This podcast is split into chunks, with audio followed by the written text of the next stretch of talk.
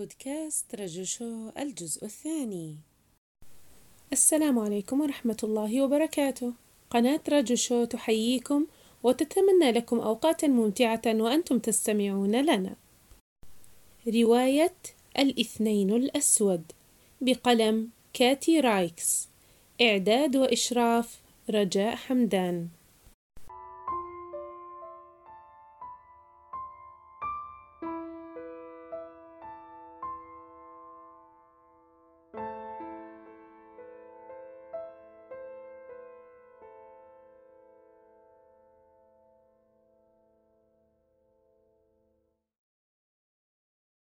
اتصل ريان برجال مكافحة السرقات وانصرفت وآن لتقييم الأضرار. وفي اليوم التالي وصلتني رسالة صوتية على بريد تليفوني كانت من المرأة التي اتصلت بالأمس وقالت فيها دكتورة برينان أشعر أنه يتوجب علي القيام بمحاولة أخيرة وإلا فلن أكون قادرة على التعايش مع ذاتي.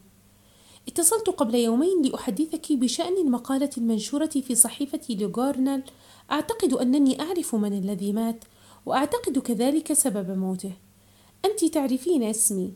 لذا تستطيعين الاتصال بي على الرقم خمسة واحد أربعة تسعة ثلاثة سبعة. حينها اتصلت على الفور بالرقم ولم أتلقى أي جواب.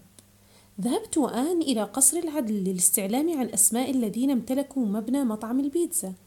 تركتني آن هناك وذهبت للتسوق. اكتشفت في, في سياق بحثي هذا أن ملكية المبنى تغيرت عدة مرات ولكن هناك اسم استوقفني. إنني أعرف هذا الاسم. هل هو سياسي محلي؟ هل هو مطرب؟ حدقت بالاسم وحاولت أن أتذكر ما يعنيه لي. لاحظت أن تاريخ نقل الملكية يعود إلى ما قبل قدومي إلى مونتريال. إذا لماذا يقرأ هذا الاسم ناقوسا في ذاكرتي؟ وأخيرا تعرفت على الاسم. لذا تناولت سترتي وانطلقت خارجة لألتقي بآن. التقيت بآن في أحد المطاعم وهناك قلت لها هذا المبنى انتقل إلى ملكية نيكولو كاتانيو عام 1970 نيكولو كاتانيو الملقب بالسكين. اتسعت عينا آن الخضراوين نتيجة الدهشة وقالت أتعنين رجل المافيا؟ فأومأت رأسي مؤكدة.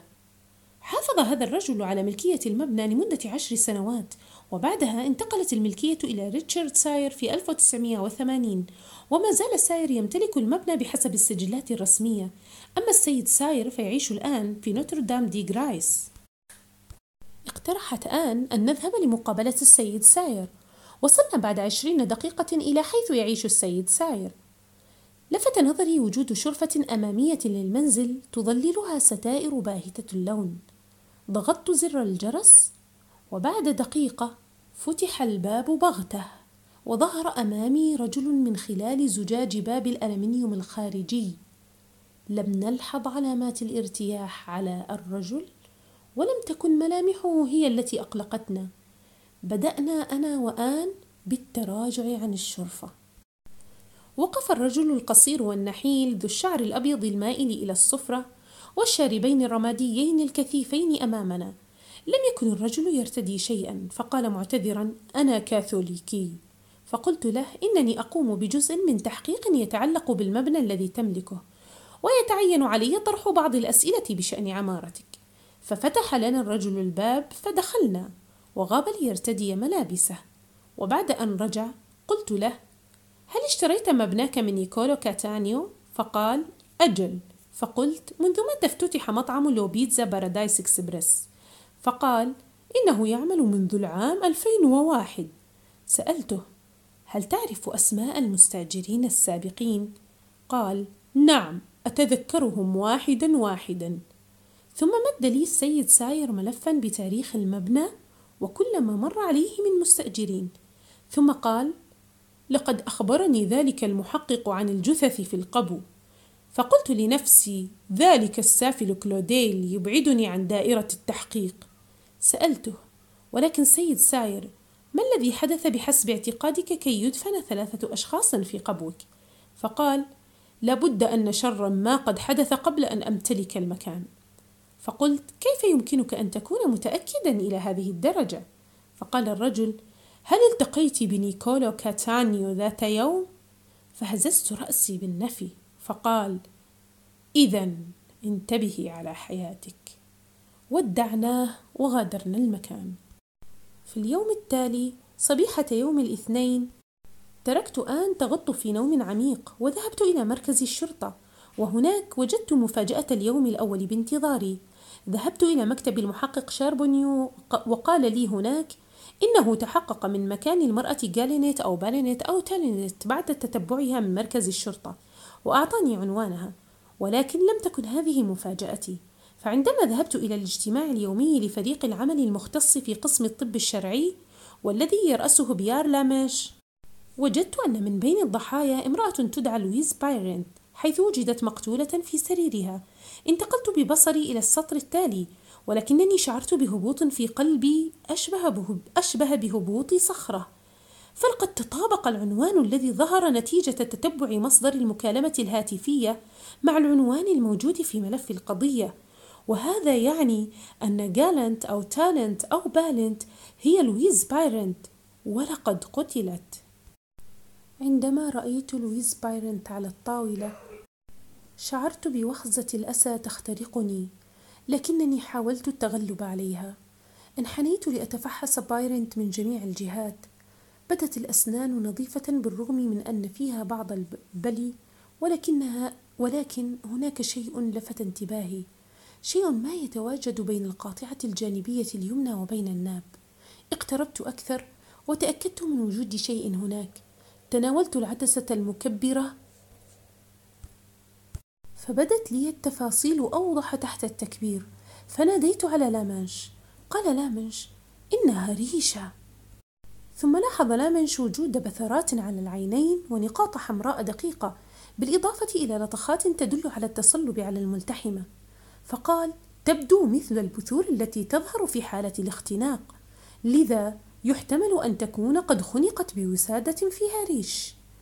بعد ذلك بدأت بإلقاء نظرة على الحالة 28 تبين لي أنها لأنثى بيضاء ويرجح أنها ماتت بعمر يتراوح ما بين الثامنة عشر والثانية والعشرين. أخبرني لامنش بأنه وجد فائضا من الهيموغلوبين الخالي من الأكسجين في الدم الوريدي لجثة لويز بارينت الأمر الذي يدل على تعرضها للاختناق. مضت عدة أيام ولم تظهر أي حالة وفاة تتطلب فحصا من عالم أنثروبولوجيا متخصص كانت آن تقضي معظم وقتها في النوم وتقول بأنها تعبانة. وجدت في بريدي الإلكتروني صباح يوم الخميس نتائج اختبارات الكربون الرابع عشر للهياكل العظمية الثلاثة. نقرت زر التحميل وكان الجواب بديهيا جدا. ذهبت على الفور إلى مكتب المحقق لامنش فقرأت عليه الباب فقال لي وجدت هيئة المحلفين أن السيد بيتت مذنب بكل الأحوال. كانت شهادتك حاسمة في المحكمة ولكن ما سبب وجودك هنا؟ فقلت حصلت على نتائج اختبار اختبارات الكربون الرابع عشر وجدت النسبة المئوية الكربون الرابع عشر في الحالة رقم 26 عالية وهذا يعني أن الفتاة توفيت بعد العام 1950 في أواخر الخمسينات أو في أواسط أو نهاية الثمانينات. أما الفتاتان ذواتا الأرقام 26 و 27 فإن نسبة الكربون عالية جدا. مما يعني أن تاريخ وفاتهما يعود إلى أوائل الخمسينات أو إلى أوائل التسعينات. فقال لامنش إذا كانت الفتيات قد اختفين خلال السنوات العشرين الماضية فمن الممكن أن تكون أسماؤهن قد دخلت في ملفات جهاز الكمبيوتر. اتصلت بالمحقق كلوديل وأخبرته بالنتائج فقال إننا نضيع وقتنا إذا تبين لنا أن وفاة الفتيات قد حدثت في الخمسينات. فقلت يحتمل ألا توافقك عائلات الضحايا على هذا الرأي. فقال كلوديل إذا كانت الفتيات مرتبطات مع كاتانيو فلربما كن مومسات فقلت من المحتمل. ولكن أعتقد يا سيد كلوديل إنهن يستاهلن شيئا أفضل من قبر منسي تفوح منه رائحة, رائحة العفن. وذلك بغض النظر عن طبيعتهن. لم نستطع أن نمد العون للفتيات عند موتهن. ولكن ربما نستطيع حماية فتيات أخريات من تلقي المصير نفسه في المستقبل. ذهبت إلى المختبر وبدأت بالعمل على الهياكل الثلاث. جاء, جاء طبيب الأسنان الشرعي بيرجيرون وسألني عن الهياكل فقلت له إن وجدناهم في قبو مطعم البيتزا وإنهم ماتوا بعد العام 1950 قلت له هل لديك اقتراح ما؟ أخذ الطبيب يفحص الأسنان للضحايا. أخذ أولا أسنان الهيكل رقم 28 وأخذ يتفحصه ثم قال وهو يصوب المصباح نحو الأسنان السفلى يكفي هذا لينزع شكوكك بشأن تواريخ الوفاة انظري إلى هنا هل ترين لمعانا بين طبقة المينا؟ فلاحظت لمعانا خفيفا فقال إنها الطواحين قد عولجت بالحفر ووضعت بعد ذلك مادة لسد الفجوات وهذه المادة قدمت لأطباء الأسنان في أوائل السبعينات وانتشرت بشكل واسع منذ الثمانينات. ومن أسنان هذه الفتاة أقدر عمرها بين الثامنة عشر والحادية والعشرين. بعدها جاءني اتصال من الطبيب آرت هوليدي الذي يقوم بتحليل قيم سترونتيوم. قال لي الفتاتان اللتان تحملان رقمي 26 و 27 معدلات قيم سترونتيوم عندهما متقاربة. أما الفتاة رقم 28 فمعدلات القيم عندها مختلفة وهذا يعني أنها لم تولد في نفس المنطقة التي ولدت فيها الفتاتين الأخريين. وبحسب القيم العالمية نجد القيم للفتاة 28 مماثلة لقيم شمال ووسط كاليفورنيا.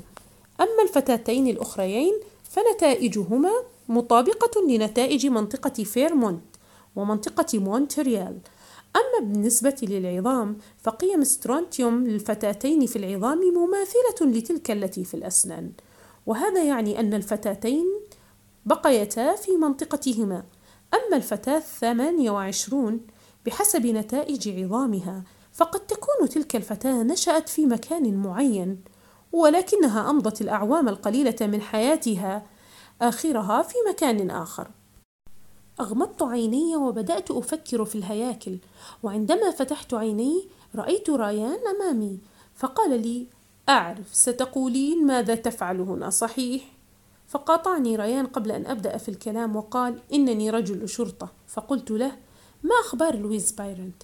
وهل هناك أخبار عن أختها التي ترعاها روز فيشر؟ فقال لا أخبار ولكن اليوم سأذهب إلى منزل فيشر فكرت أنك ربما ترغبين بمرافقتي وبالفعل رغبت بمرافقته. انتقلت أنا وريان إلى منزل لويز. شاهدنا الستائر مسدلة ولكننا لاحظنا أن ضوءا أصفر يتسلل من وراء إحدى الستائر. خرج ريان لوحده من السيارة وقال لي أن أنتظر مكاني. انتظرت بضع لحظات قبل أن أتبعه. قرع ريان جرس الباب. وبعد قرع الباب عدة مرات أضيء نور في غرفة المعيشة ثم انفتح الباب قليلا وتسلل وجه من فتحته كان آخر وجه توقعت رؤيته قالت من أنتما؟ فأبرز ريان شارته فقالت هل أنتما الشرطة؟ فقال هل نستطيع الدخول سيدة فيشر؟ فقالت أين لويز؟ أين أختي؟ حينها دخلنا أنا وريان إلى البيت فقال ريان أنا آسف لإبلاغك أن شقيقتك قد توفيت. بدأت بالبكاء. حينها أحط المرأة بذراعي وكررت قولي أنا آسفة. فقالت ما كان يجدر بي أن أترك لويز وحدها في أوقات كآبتها ثم انهارت على مقعدها. سألتها هل تعودت شقيقتك أن تنام على وسادة من الريش؟ قالت لا.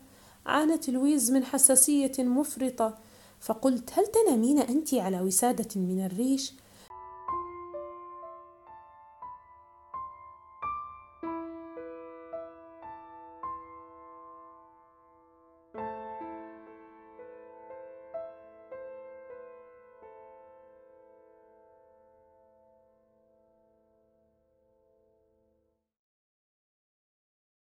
نهاية الجزء الثاني بودكاست رجو شو. إلى اللقاء في الجزء الثالث.